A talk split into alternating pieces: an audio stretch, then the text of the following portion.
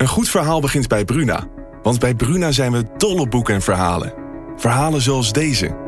Het nieuws reist je snel, zoals dat soort nieuws doet. Ik wist dat het ook over jou ging, zodra het eerste bericht uit Parijs kwam. Bijna zes jaar geleden nu. Op een vrijdag de dertiende. Een datum als een slechte grap. Jij was er ook, Flo.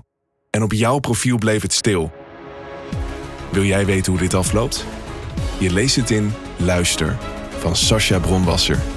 Nu bij Bruna. Een goed verhaal begint bij Bruna. Want bij Bruna zijn we dol op boeken en verhalen. Verhalen zoals deze. De mist kwam uit de baai opzetten en besloop langzaam het Victoriaanse huis op Blake Street. Drong door de houten kieren naar binnen en bleef in dunne sliert in mijn kamer hangen. Ik lag te rillen onder het dunne dekbed. Wil jij weten hoe dit afloopt? Je leest het in In de mist van Golden Gate Park van Murat Isik. Nu bij Bruna.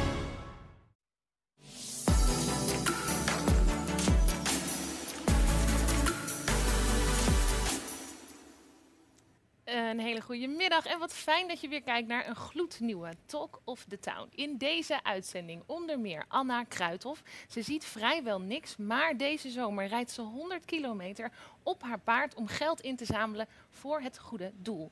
Ik uh, ga luisteren naar het indrukwekkende verhaal van de broers Ziki en Yama Massoud. Zij runnen de super succesvolle zaak The Smooth Brothers, waarmee ze de wereld willen veroveren.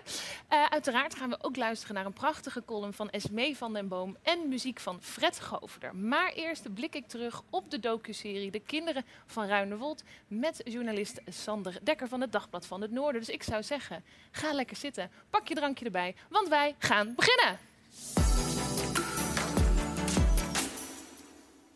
Wat speelde zich nou allemaal af in die ene boerderij in Ruinerwold? Miljoenen mensen hebben de afgelopen weken gekeken naar de docuserie De Kinderen van Ruinerwold. Journalist Sander Dekker van het Dagblad van het Noorden was eigenlijk helemaal vanaf het begin betrokken bij deze zaak. Toch, Sander? Klopt, Je knikt met jou. Ik ben heel blij met jou. Kijken we even terug naar deze documentaire serie. Allereerst, wat vond je ervan? Ja, het is, eh, eh, eh, heeft enorm veel impact gehad, eh, deze documentaire. Dat, dat is aan alles af te zien. Er is ook natuurlijk een, een inzamelingsactie geweest voor die kinderen. Al bijna volgens mij iets van eh, 400.000, een half miljoen euro misschien al opgehaald. Ja, dat geeft gewoon aan wat voor enorme impact dit heeft gehad. En wat ik van die documentaire zelf vind, ja, ja, het heeft ook enorm impact op mij gehad. Daar kun je lang of kort over praten, maar ja, dat is gewoon zo. Je zegt in inzamelingsactie, dat weet ik eigenlijk helemaal niet precies. Wat is dat Mhm. voor actie? Nou, er is eh, besloten volgens mij door een eh, oude eh, vriend van Shin, de oudste zoon van eh Gerrit-Jan van D, de, de Ruinewoldvader om het zo maar te noemen. Ja. Die heeft gedacht van ik wil geld inzamelen om eh, nou ja, de kinderen van Gerrit-Jan van D, dus ook de jongere kinderen die nu verder ergens in Nederland wonen, om daar geld voor in te zamelen. Om hen toch een, een betere toekomst te, te gunnen dan ze tot, tot nog toe gehad hebben. Ja, En daar is massaal eh, op gedoneerd, eh, echt massaal. dus dat laat maar weer zien hoeveel mensen zich betrokken voelen Ja. bij deze kinderen. Absoluut. Je zei al, op mij heeft dat ook een impact gehad. Hoe, Mhm. hoe heb jij gekeken als journalist die zo betrokken is bij deze zaak, naar deze documentaire? Ja, toch, eh, ja, het, het, het, het is een beetje tweeledig, zeg maar. Aan de ene kant, je weet natuurlijk al heel veel in die zin dat je de, de rechtszaak hebt gevolgd.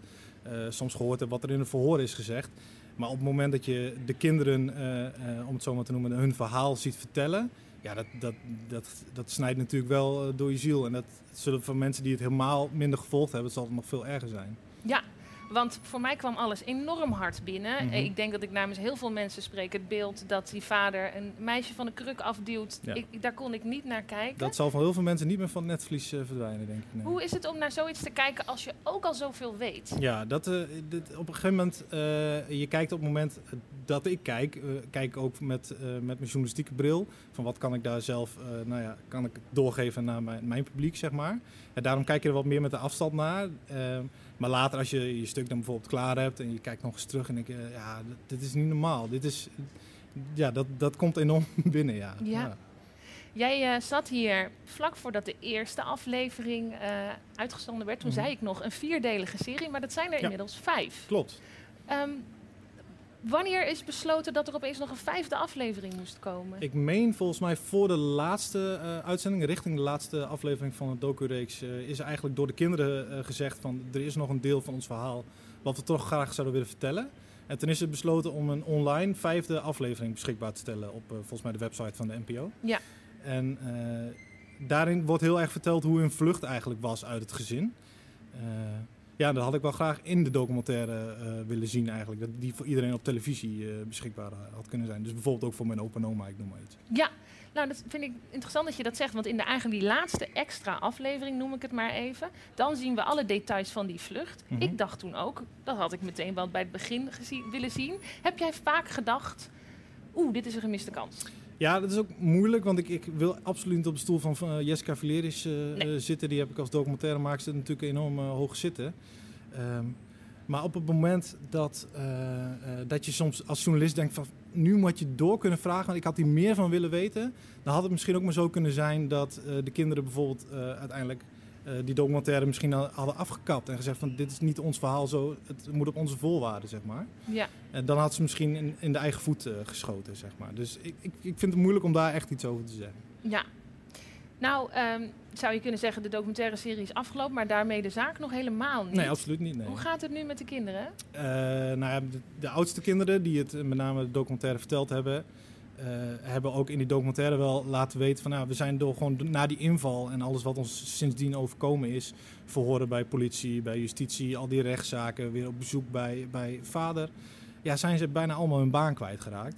Dus dat is natuurlijk enorm heftig. Uh, dus ja, of het goed gaat, dat kan, dat kan ik niet voor ze invullen. Maar er zijn natuurlijk enorme omstandigheden nu waar, waarop je kan concluderen dat nou, beter had gekund. Ja, er is er gewoon ontzettend veel op ze afgekomen. Ja, absoluut. En nog steeds. Ja. Nou stond er in een heel klein zinnetje, een van de jongste kinderen die eerst bij vader was, is nu niet meer bij de vader. Klopt, dat was voor ons ook een verrassing. Oh. Want we kunnen in principe al die uh, uh, afleveringen in ieder geval van tevoren inzien, zodat we wat tijd hebben richting onze, onze deadline, zeg maar. Ja. Maar zelfs dat laatste toevoegingje, want dat kwam uh, bij de laatste tv-aflevering, de vierde dus, kwam ineens het, de, de zinsnede naar voren van, nou ja, de, een van de jongere kinderen heeft ook besloten het gezin te verlaten. En woont met de jongste kinderen weer samen. Ja, en die heeft op een gegeven moment ook niet te rechtvaardigen. Ik, ik stap hier uit.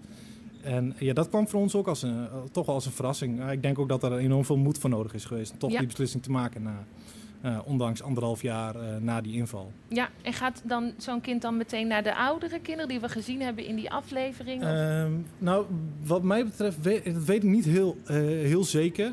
Ik kan me voorstellen dat de oudere kinderen misschien juist wel denken van nou, ik, we zoeken nog meer contact met dit. Hè. Misschien kunnen we die toch graag of losweken van, van de hele situatie met Gerrit-Jan van D. Daar zetten ze ook heel erg op in, want ze willen enorm uh, graag dat die kinderen ook een vrijere uh, toekomst krijgen. En niet weer het risico lopen dat ze weer Ja. in afzondering gaan leven, zeg maar. Nou ben ik ook heel benieuwd hoe het met Gerrit uh, Jan van D is. En ik begreep dat er onrust is op de plek waar hij nu woont. Ja, ja onrust, uh, dat wordt al gauw geroepen natuurlijk op social media dat het gaat om onrust. Maar we weten in ieder geval dat de klusjesman, Jozef B., die ook in Ruinewold uh, een aandeel heeft gehad in deze zaak. Ja. En een volgeling is van uh, Gerrit-Jan van D. Ja. langs de deuren gaat met de vader. Uh, in uh, de, het dorp waar ze wonen. In een rolstoel. In een rolstoel, ja. En, uh, en vragen ze langs de deuren of ze daar klusjes mogen doen. In Bij voor geld. Andere bij mensen in de buurt, ja. Als een soort heitje voor karweitje. Ja, ze zullen er ongetwijfeld iets van een financiële vergoeding voor willen. Maar dat is wel wat wij te zou je dan kunnen zeggen dat het ook inmiddels wat beter gaat met hem als hij langs deuren kan? Uh, nou ja, dat is natuurlijk de vraag. Uh, uh, hij doet daar niet zelf zijn verhaal. Want dat, dat, dat, daar was natuurlijk in het begin wat consternatie over. Dat mensen zeiden van, ja, maar als hij bij mensen langs de deuren gaat, hoe slecht gaat het nou met hem? Ja. Nou, we hebben wel gehoord dat, dat hij daar niet volledig zelf volle, de volle zinnen eruit gooit. Of zelf besluit van, we moeten dit doen. Mhm. Mm -hmm. Het is met name Jozef B. die hem daarin ja, betrekt. Vind ik een wonderlijke keuze, maar dat is wel wat er gebeurt.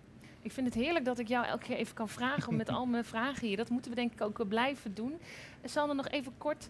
Wat betekende dat nou voor jou als piepjonge journalist om meteen te beginnen aan zo'n grote zaak? Ja, dat was uh, ja, eigenlijk wel een, uh, een levensverandering uh, voor mij in die zin. Het is wel naar, want eh, als je aan zo'n zaak, als dat je eerste zaak, dan wordt daarna he- niet heel gauw iets meer Nee.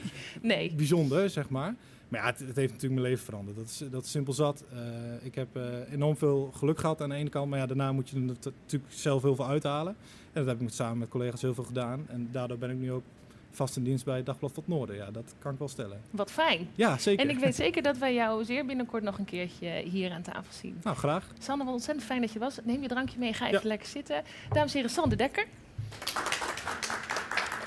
Ja, en eh, terwijl onze, ik zou bijna willen zeggen, Ruinerwold-expert gaat zitten, eh, is het tijd voor de broers Yama en Ziki Massoud. Want wie door de Zwanenstraat in de binnenstad van Groningen loopt, kan het niet, voor, eh, niet, niet gezien hebben, kan er niet omheen, wilde ik zeggen. Ellenlange rijen van mensen die zo door die Zwanenstraat staan, allemaal wachtend op één ding. En dat is een smoothie van de Smooth Brothers. Maar wie zijn nou die mannen achter de Smooth Brothers en wat is het geheim van deze succesformule? Daar ga ik het met jullie over hebben. Wat fijn. Ziki iets verderop op de kruk. Ja, Fijn dat je er bent. dankjewel. Ik weet mijn plek. En Jama, hallo. Ja, hallo Lara, dankjewel. Ik heb begrepen dat jullie eigenlijk met z'n drieën zijn. We zijn eigenlijk eh, met drie broers, Ja. eh, van totaal vijf broers. Eh, maar de drie jongste eh, zijn we in 2017 met de Smooth Brothers begonnen hier in Groningen. Ja. Nou, wil ik als allereerst weten waarom besluit je om met familie een smoothiezaak in de binnenstad van Groningen te beginnen?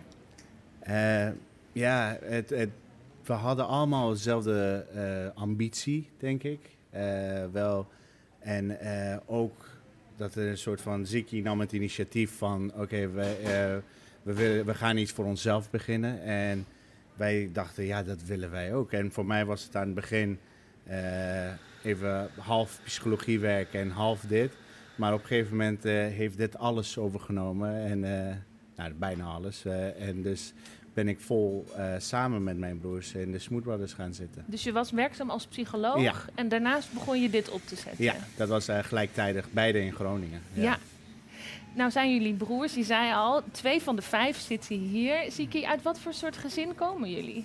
Eh, wij komen uit een eh, wel, als je het vergelijkt met wat in Nederland en Afghanistan, wel een, een hooggestudeerde familie. Eh, mijn vader had een bedrijf, bet- bouwbedrijf in Afghanistan en heeft ook in Delft gestudeerd. Mijn moeder was standaards eh, in Afghanistan. En eh, onderwijs stond voorop. Eh, vandaar dat mijn vader het eh, tijdens oorlog eh, besloten had om eh, ons naar Nederland te sturen eh, om, eh, voor, eh, vanwege het onderwijs. Dus eh, onderwijs eh, was, is heel erg belangrijk geweest en nog steeds is voor ons. Ja, dus een hoogopgeleid gezin. Ehm, hoe oud was je toen jullie naar Nederland kwamen? Ik was eh, zes à zeven. Ja? eh, dat ik, eh, toen we in 1994 in eh, Nederland aankwamen. Ja. Hoe oud was jij? Ik was eh, 12. was 12. Ja. Eh, Hebben jullie daar herinneringen aan? Aan Afghanistan zelf? Wat eigenlijk de komst in Nederland, Afghanistan? Eh, ja, het was, eh, de, de reis was echt heftig. Ik Ja. moet zeggen dat we... eh, en het was lang, eh, dat weet ik nog wel. En eh, er zijn eh, momenten eh, die echt heel levendig aanwezig zijn. Eh, er was een moment dat mijn vader achterbleef en wij in een bus zaten. En de bus reed weg en ik was dan vrij jong. En dan weet je niet dat, of je vader meekomt of niet. Eh, dat was wel, eh, zulke momenten, dat blijft eh, wel bij. Maar gelukkig zijn wij uiteindelijk wel allemaal geherenigd in eh, Nederland. Eh, dus dat zijn de momenten die, die vooral heel erg bij zijn gebleven. En eh, in Nederland kwamen we, eh, ja, werden we heel warm ontvangen eigenlijk. Eh, mijn vader had ook ideeën van, hij had hier gestudeerd. Dus hij wist, hij vertelde ook altijd dat het tolerant was. Onderwijs staat hoog in het vaandel hier. Mhm. En, dus dat, en wij kwamen in een asielzoekerscentrum in Markelo terecht. waar allemaal leuke caravans, oh, caravans stonden. En ja, dat was een, mooie tijd. Wat Om- fijn. Ja. Nou, kom je uit een gezin, jullie zeggen het al, onderwijs staat voorop, dat heb je goed meegekregen. Je Mm. komt naar Nederland, gaat hier ook studeren en dan ga je zeggen tegen je vader, denk ik, en alle andere mensen, wij gaan een smoothie bar beginnen. ja. Hoe wordt daar dan op gereageerd, Siki? Mijn vader zelf was een ondernemer. Eh, natuurlijk hij had gewild dat wij ook ingenieurs werden eh, eh, en teruggingen naar Afghanistan om, om eh, zijn bedrijf weer op te starten. Eh, maar het leven heeft ons andere mogelijkheden aangeboden en eh, ondernemerschap zat in ons. En omdat mijn oudste broer zeven jaar geleden in Zwolle was begonnen. En Yama en Razi eh, hebben me daarbij geholpen om op te starten, helpen. En eh, de vaardigheden hadden wij. en dan de kennis. Alleen maar de durf was, ontbrak op dat moment. En wij dachten, gaan we met z'n drieën, we kunnen het wel aan. En Groningen kwam uit uh, ja, uh, studentenstad, uh, mooie stad. We waren een paar keer geweest, we kenden Groningen niet goed. Maar wij houden ook van die onbekende te ontdekken. Ja. En, en, en zodoende in 2016 idee begonnen. In 2017 dachten wij, wij gaan het echt doen. Zo. Ja. Ik ben heel blij dat jullie die durf hebben gehad. en ik denk veel Groningers met mij. Maar ik weet ook dat, en ook even voor corona, veel horecazaken die beginnen in een stad, zoals Groningen, zijn meestal redelijk snel ook weer failliet. Dat is niet zomaar een, een succes. Wat is jullie geheim? Ik, eh, ons geheim. Uh, ik denk dat we uh, elke dag weer, het is, uh, dat we dat niet voor lief nemen, dat we uh, heel veel bezoekers hebben, heel veel gasten hebben. Uh, en een fantastisch team hebben die al, alsmaar blijft groeien, maar ook dezelfde betrokkenheid inzet heeft. En ik denk uh, dat we dat niet voor lief nemen en ergens een soort van uh, onzekerheid, misschien heeft dat met ons verhaal uit Afghanistan te maken, dat niks blijvend is. En dat je ervoor moet werken en hard werken om het te behouden. Ik denk dat dat, dat ergens een soort van drive heeft om dat we elke dag weer uh, vijf uur uit bed stappen en niet kunnen wachten om de dag te ontdekken. En dan uh, uh, ja, zes uur weer de trein naar Zwolle. maar, pakken. ja, maar dan zeg je, ik sta om vijf uur op Ja. om me helemaal bezig te houden met smoothies. Dan moet je toch wel iets hebben met een smoothie. En we- zeker, eh, het, maar de smoothie is een, een middel, eh, eh, voor- vooral vanuit eh, mijn vorige werk als psycholoog, eh, was het dan de gesprekstechnieken mijn middel om iemand een goed gevoel te geven. En nu zijn het smoothies, is het fruit. En is er een soort van ook bij ons een schuldgevoel vrij ondernemerschap. Hè? Wij doen iets waar we niet schuldig over hoeven te voelen eh, dat we, al- wat we verkopen klopt niet. Maar het is een middel om een goed gevoel bij een ander eh, met een simpel gebaar eigenlijk eh, te brengen. Mhm. En, en dat, dat, is, ja, dat geeft dan ook ons een goed gevoel. Een gelukkig team, gelukkige mensen omheen. Ja, wat, wat wil je nog meer bereiken eigenlijk? Dus het gaat niet alleen maar op het simpel kopen van een smoothie. E- Nee. Is smoothies, heeft dat ook iets te maken met Afghanistan Ziki? Wordt daar, worden daar veel smoothies gedronken? Wel, heeft wel mee, mee te maken. hè.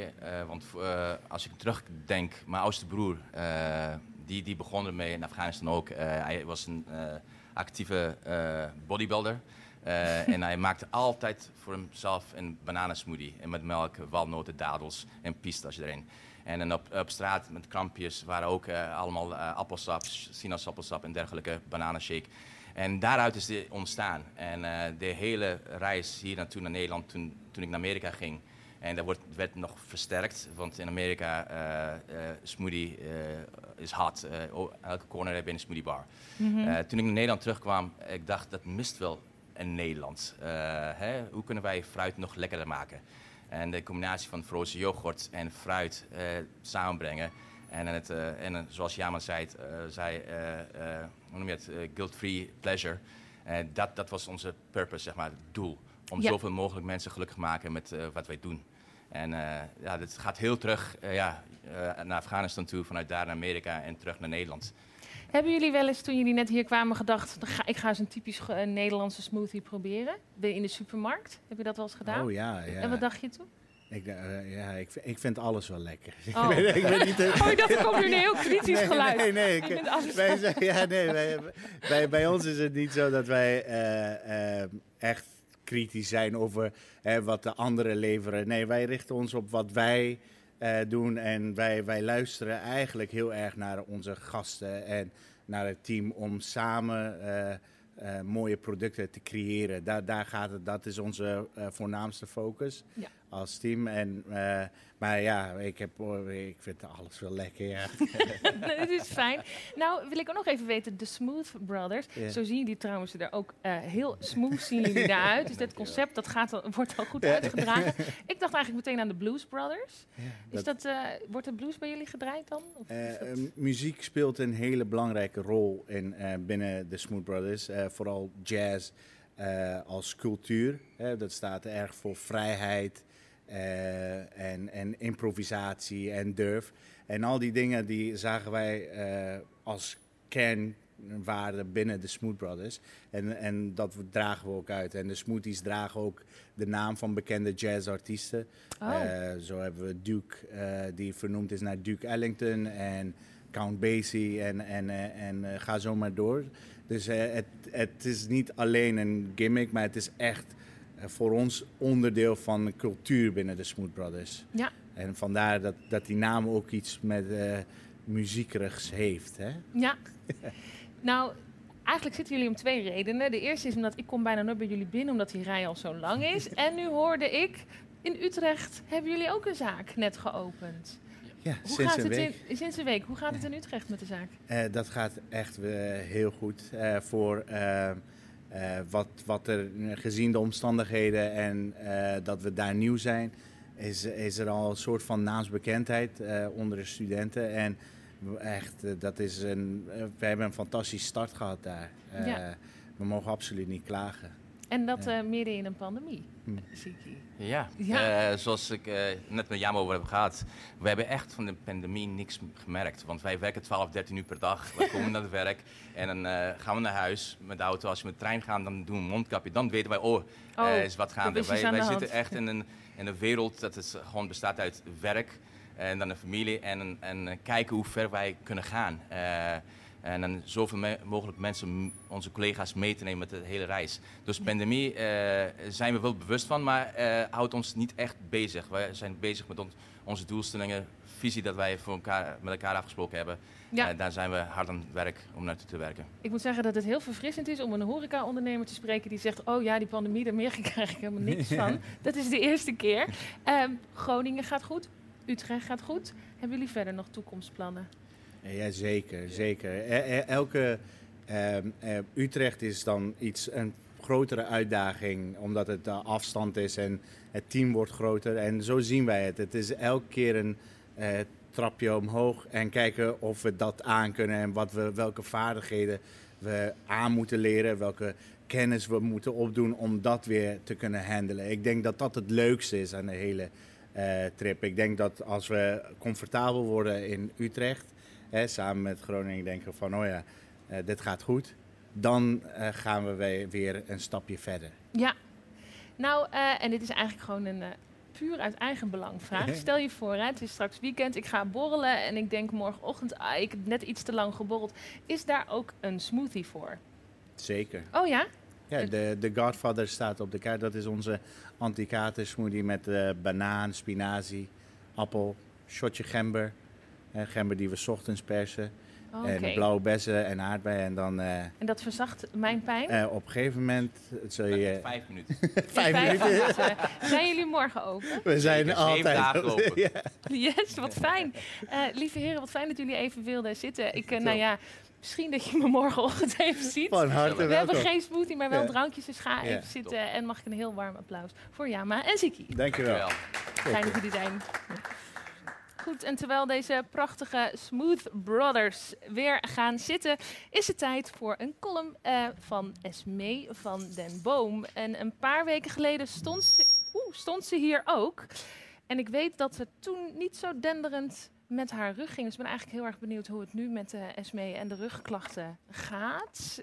Ze loopt al langzaam naar haar plekje. Hallo Esmee, Hallo, hoe is het met je nu? ik doe deze even zo, want ik kan niet zo goed krom staan, eh, nog altijd. Nog steeds. is sowieso niet goed voor je, heb ik begrepen van de fysio die ik nu vrij vaak zie.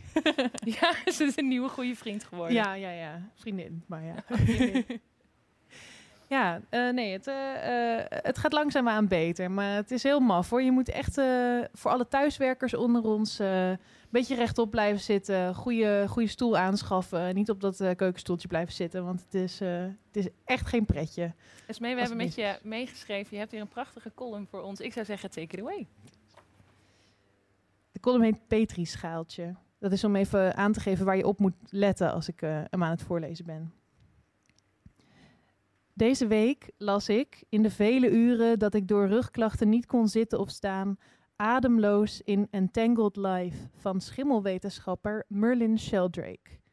Ik kon niet ophouden met erover te praten. Zoveel geweldige dingen leerde ik over schimmelnetwerken. Bijvoorbeeld dat als je willekeurig welke alg naast welke schimmel dan ook zet in een petrischaaltje, ze samen gaan werken op één voorwaarde: dat de een iets kan dat de ander nog niet kan. Ook al weten die algen en die schimmels nog helemaal niet wat voor voordeel die samenwerking ze op gaat leveren, ze beginnen er wel gewoon aan. Hoe anders, denk ik dan, zou ons wereldbeeld zijn als Darwin symbiose had gezien op, in zijn tijd als kernonderdeel van zijn evolutietheorie. Dan geloofden we misschien meer in survival of de samenwerkers en de helpers dan alleen in survival of the fittest. Soms vergeet ik hoeveel mensen je te hulp schieten als je eerlijk zegt hoe het met je gaat. Zo kreeg ik de afgelopen weken een rijk aanbod van elektrische dekens, een bezoek aan iemands sauna, drie dagen hulp in de huishouding, boodschappen aan huis, heel veel advies en niet te vergeten ook heel veel gebak. Ik moet natuurlijk wel toegeven dat mensen makkelijker helpen als je klachten zichtbaar zijn. Ik kon alleen nog maar lopen als een vogelverschrikker en ik moest bij veel bewegingen mijn adem een beetje inhouden of hoorbaar kreunen en dat valt natuurlijk op. Toch is het vaak ook wel aan te voelen als het op een onzichtbare manier minder goed gaat met iemand als je er maar even de tijd voor neemt. En helaas is het soms ook algemeen bekend dat het met sommige mensen minder goed gaat, evenals de oorzaak daarvan. Ik noem dan bijvoorbeeld de slachtoffers van de toeslagenaffaire. Ik kan me erover verbazen dat die mensen nog altijd gedwongen worden om zich een weg te banen door de onpersoonlijke labyrinthen van de overheid, waar dan vervolgens ook nog systeemfouten gemaakt worden en ze opnieuw mentale knap, klappen toebedeeld krijgen. Hoe fijn zou het zijn als de Belastingdienst en de betrokken eh, politici opnieuw bij elkaar in het petrischaaltje zouden klimmen. Om op een andere manier te leren samenwerken, om echt te helpen en om de schade te herstellen. Als schimmels en algen het kunnen, moet onze overheid er toch ook toe in staat zijn. Esmee, wil je nog even blijven staan? Want je zei heel schattig net tegen mij... Roelie, eh, de rapper Roelie mocht een keer een shout-out doen. Mag ik dat ook? Ja, muzikanten hebben een intro, hè? columnisten niet. Dus Nee. kun je over de muziek een shout-out doen. Ja, ik wou graag een shout-out doen naar de mensen die eh, allemaal lieve dingen voor me hebben gedaan. En dat zijn de mensen met een hondje in het Noorderplantsoen. dus dat, en dan in het bijzonder de baasjes van Els die Influ Pincher en de baasjes van Yuki de Border Collie. Dank jullie wel. Esmee, dankjewel. Eh goed, en van Esmee wij gaan we even door naar de borrelbox, de verrassingsbox van Nok, het restaurant hierboven. Ken jij nou iemand waarvan je denkt, die verdient nou echt zo'n heerlijke verrassingsbox? Tag diegene dan even onder onze post op Instagram, Talk of the Town 050. En wie weet krijgt deze fantastische persoon dan zo'n lekkere box. Dus houd dat in de gaten. Goed, en dan gaan we over van eh, de heerlijke box over naar Anna Kruithof. Die komt hier met haar mooie hond Roos. En Bente helpt haar even. 100 kilometer paardrijden terwijl je bijna niks ziet. Ik zou eigenlijk niet weten hoe dat moet.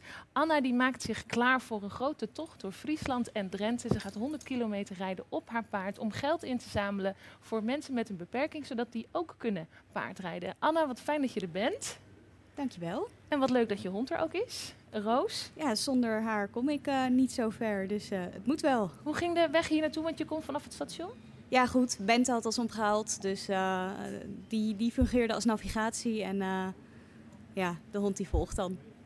Anna, toen ik het las, 100 kilometer op een paard, terwijl je eigenlijk vrij weinig ziet, is dat niet een ontzettend gevaarlijk plan? Nee. Als ik 100 kilometer meter met een auto zou gaan rijden, was het gevaarlijker geweest. dat, ja, dat vind ik een heel, heel nuchter antwoord. Wanneer is dat idee ontstaan van jou om zo'n grote tocht te maken? Ehm, nou, eigenlijk eh, vorig, vorig najaar, toen de tweede lockdown ehm, inging. Ehm, en het allemaal erg onzeker was wat het eh, nou, dit jaar zeg maar, zou brengen met corona. Mhm. Eh, vorig jaar was er natuurlijk eigenlijk geen, eh, nou ja, weinig mogelijkheden voor vakantie. Dus ik was ook gewoon thuis gebleven. Ehm, nou ja, en, en voor dit jaar wilde ik toch wel graag eventjes, eventjes eruit, even wat doen. Ehm, en omdat ik niet echt zeker was van nou ja, of een vakantie naar, naar Spanje of Italië zou gaan lukken deze zomer, ja, dacht ik, ik neem het zekere voor het onzekere en ik plan gewoon iets in Nederland. Ehm, ja, en dat is dus een, een, een tocht eh, met, met een van mijn paarden geworden. Ja, toen eh, je had het bedacht, vakantie, ik weet niet of het gaat lukken, ik ga een hele grote trektocht maken.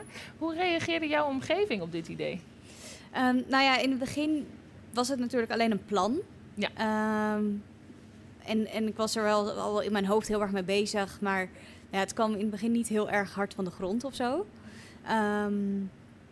Maar op een gegeven moment ja, ben, ik, ben ik er wel gewoon serieuzer eh, mee bezig gegaan. Had ik heel veel research gedaan van hoe zit dat dan en waar, hoe maak je routes en ehm, ja, welke navigatie eh, is dan goed voor mij? Ehm, hoe doe je dat met slapen? Wat heeft je paard ervoor nodig?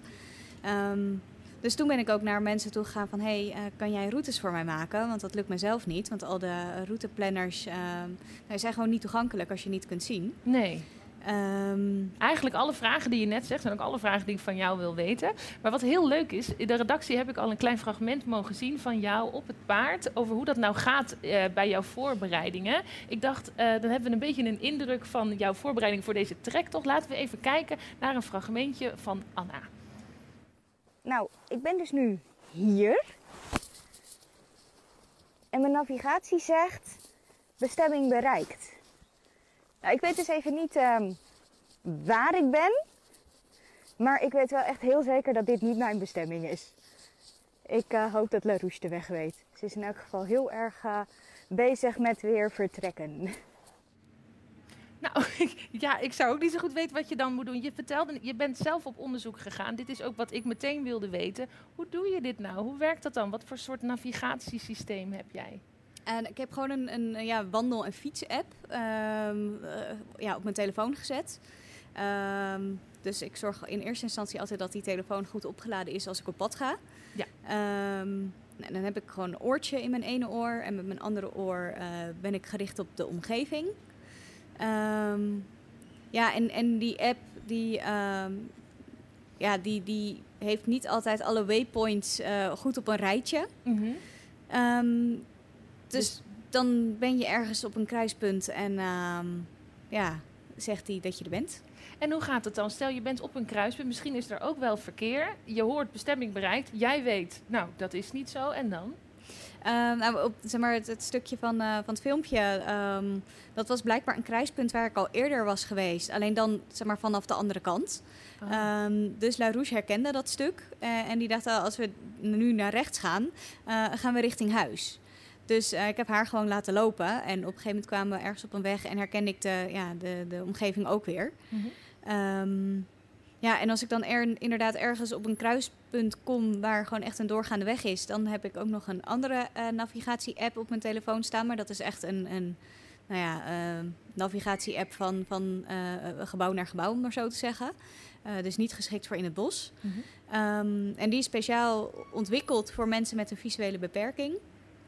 Eh, en als ik daar dan eh, nou ja, vraag zeg maar, of, of aangeef dat ik wil dat hij mijn locatie weergeeft, eh, dan zegt hij waar ik ben en ook welk huisnummer er het dichtst in de buurt is. En dan heb ik eigenlijk gewoon in mijn favorieten al thuis staan. Ja. Dus als ik daar dan op klik, dan, nou ja, dan brengt hij me eigenlijk gewoon weer naar huis. Ik, ik, nou, er komt eigenlijk dus best wel wat bij kijken. Je noemde net even La Rouge. Dat is jouw paard. Ja, dat is mijn paard. Wat voor soort paard is La Rouge? Eh, dat is een haflinger. Ehm, eigenlijk geen paard, het is een pony. De schofthoogte is 1,44. Ehm, ja, en ze is, eh, het is een heel eh, stoer, vrolijk paardje. Dat heb je misschien ook wel nodig voor zo'n tocht van eh, 100 kilometer. Nou heb ik begrepen dat je die tocht ook doet als een soort inzamelingsactie. Kan je daar iets meer over vertellen? Ja, klopt. Ehm, nou, toen ik zeg maar had bedacht dat ik die tocht wilde gaan maken ehm, en op onderzoek uit was gegaan en ontdekte dat het echt wel ontzettend veel organisatie kost om zo'n tocht in elkaar te zetten, ehm, dacht ik ja hartstikke leuk zo'n vakantie. Dan doe ik het een week en dan, nou ja, i- is, het gedaan. Waarom ga ik deze toch niet rijden met, ja, met mezelf als een soort van voorbeeld? Ehm, nou ja, om, om te laten zien van ja, ik kom ontzettend veel obstakels tegen. Maar ik vind altijd een weg eromheen, letterlijk en figuurlijk. Ehm, waarom ga ik die toch dan niet rijden om geld op te halen voor een stichting die zich inzet om ja, het paardrijden voor ruiters met een beperking, welke beperking dan ook, Ja. eh, ja, toegankelijk te houden. En nou begreep ik ook dat je ruiters wil uitnodigen om even met jou mee te gaan, een Ja. stukje. Klopt. Ja, eigenlijk eh, heb ik voor elke dag nu wel al iemand eh, die mee wil rijden. Oh, dat is gezellig. Dat is hartstikke fijn. Ja, Eh, maar als er meer mensen zijn die mee willen rijden, ja, nog steeds hartstikke welkom. wat moeten ze dan in- doen? Ehm, dan kunnen ze even een berichtje sturen via mijn Facebookpagina. En dan kunnen ze zich aanmelden en dan ga je met een groepje. Dus eigenlijk ben je helemaal niet alleen. Nee, ik ben niet alleen. Het kan zijn dat ik natuurlijk wel stukjes alleen ben, omdat niet iedereen van A naar B helemaal mee kan. Want elke dag leggen we toch wel eh, nou, 20 kilometer af. Ja. Ehm, maar ja, hoe meer mensen en hoe meer stukken er wel iemand meerijdt, hoe, eh, hoe leuker dat is. Nou, zei ik al een paar keer dat je vrijwel niets ziet. Is dat iets wat altijd al zo is geweest? Ja, dat is eigenlijk wel eh, sinds, sinds jongs af aan aanwezig. Mhm. Het werd ontdekt toen ik twee werd, was. Ehm, ja, en in de basisschooltijd eigenlijk steeds ehm, eh, minder geworden. Tot het punt waar ik nu ben dat ik eh, vergezeld mag worden door een geleidehond. Ja, en prachtiger mag ik wel zeggen. Ja. Ehm, een hele tocht. Je gaat met mensen mee. Maar wat, ja, wat pak je dan in, vroeg ik me af. ja, daar ben ik ook nog niet helemaal achter. Ik heb net deze week zadeltassen binnengekregen. Oh ja. Dat was een beetje een teleurstelling. Ik ga Oh. er niet alles in kwijt kunnen, dus ik moet nog een paar extra tassen eh, regelen. Ehm, ja, wat neem je mee? Eh, Het belangrijkste voor mij is denk ik toch wel mijn eh, opladers, telefoons. Ja. Ehm, nou ja, dat soort dingen. Extra oortjes. Ehm, eten voor LaRouche. Ehm, ze hoeft gelukkig niet heel veel. Ze krijgt eh ja, muslikoeken en daar zitten dan alle vitamines en mineralen in die ze op een dag nodig heeft. Nou, dat scheelt En- ook. Alle andere energie kan ze gewoon uit gras en hooi halen. Wat, eh, nou ja, tijdens pauzes eh, kan ze dat eten en op de locaties waar we overnachten. Mhm. Kleding voor mezelf. Ehm, wat dat precies wordt, dat weet ik eigenlijk pas vlak voor de tocht. Want is het heel mooi weer en, en zonnig, dan heb je genoeg aan shirtjes met korte mouw en een vestje. Ja, Maar wordt het een week eh, waarin het een stuk kouder is, ik hoop absoluut niet op regen, eh, dan zit je toch met wat, eh, ja, wat meer kleding. eigenlijk met alle overpeinzingen die je hebt als je moet inpakken voor een reis. Ja, Alleen dan ook nog eens op een paard. Dat en is, ja, je zit dus ook echt wel met beperkte ruimte om, om wat Ja. mee te nemen. ja, dat lijkt mij een drama. Maar Eh, dat, ik, eh, ik, ik ben mezelf nu alvast aan het voorbereiden op eh, light traveling. ja, Dus ik heb vandaag ook gewoon geen tas meegenomen. kijk. En alles maar in de zakken van mijn jas Je gepropt. bent, ja, heel goed, je bent nu al professioneel. hey, ehm, dit is een heel groot plan. Heb je nog andere grote wilde avonturen op de planning staan? Eh, voor dit jaar even niet. Nee, hè? Nee, ik vind dit wel even genoeg. Nou, dat zou ik, dat zou ik ook zeggen. En ehm, wat als je er nu naar kijkt, hè, want je gaat in de zomer beginnen. Wat is voor jou het spannendst aan deze reis? Ehm, ja, ik ben nu voornamelijk heel erg bezig met, met, met trainen. Dus kilometers afleggen en gewoon alle voorbereidingen vooraf. Dus ik ben wat dat betreft nog niet heel erg bezig met, met de tocht zelf. Ik heb van de week ook contact gehad met een boswachter van Staatsbosbeheer in het Drents-Friese Wold. Mhm. Ehm, die vertelde mij dat ze daar bezig zijn met, met ja, natuurlijke bosbouw. Eh, dat ze zeg maar, de natuur een beetje zijn, zijn gang laten gaan. Dus dat het best kan dat als ik mijn tocht rij, er paden zijn die niet meer toegankelijk zijn omdat er bomen omgevallen zijn. Oké. Ehm, dus dat is wel even iets om in mijn achterhoofd rekening mee te houden, wat ik dan ook wel spannend vind. Ja. Ehm, en dan hoop ik dus wel dat er mensen mee zijn die meerijden. Want ja, op het moment dat een pad geblokkeerd is en ik moet ontzettend van de route afwijken, ehm, dan gaat mijn navigatie ook eh, nou ja, vervelend doen Ja. en zeggen dat ik moet omdraaien.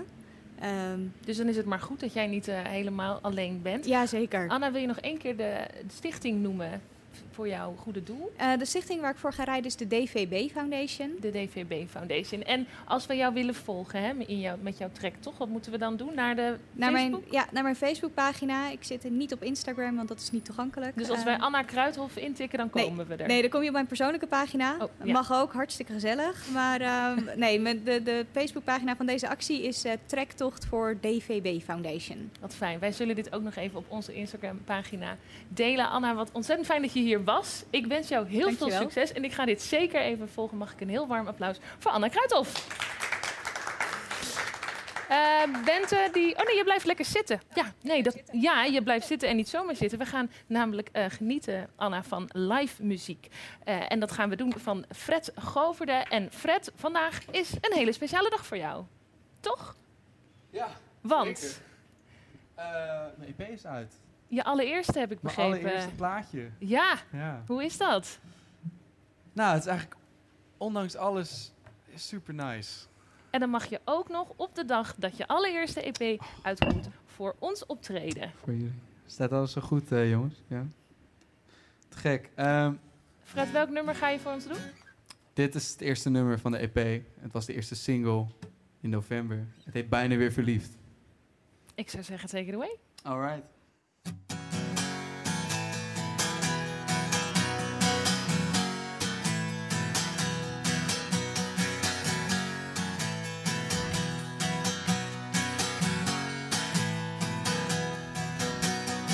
Lachend over straat als ik je zie, maar ik zit jankend in de kroeg. Lieve schat, let maar niet op mij, dat doen er al genoeg. Dacht ik echt dat ik van mijn pijn en passie was bevrijd, dat ik gewoon met je kon praten, maar zo gaat het dus altijd.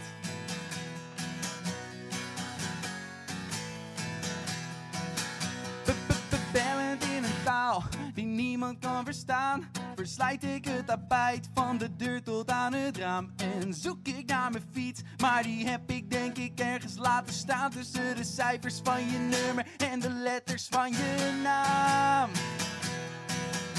Je naam.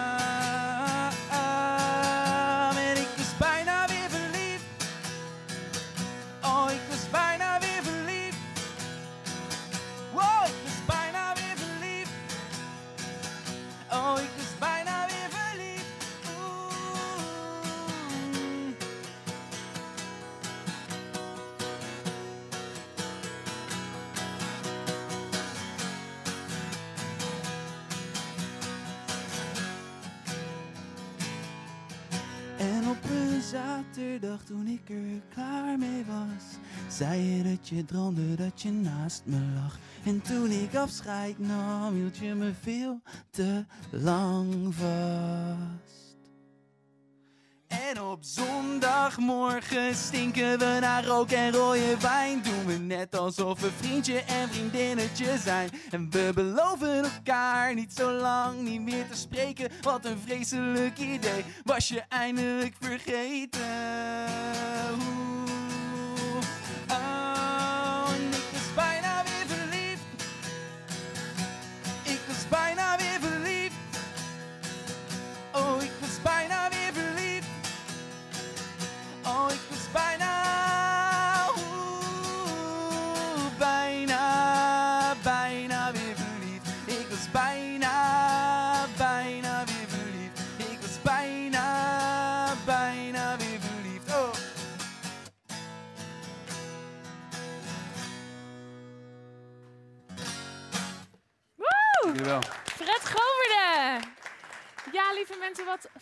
Weer keek naar Talk of the Town. Wil je nou op de hoogte blijven van alle leuke dingen die wij hier bedenken?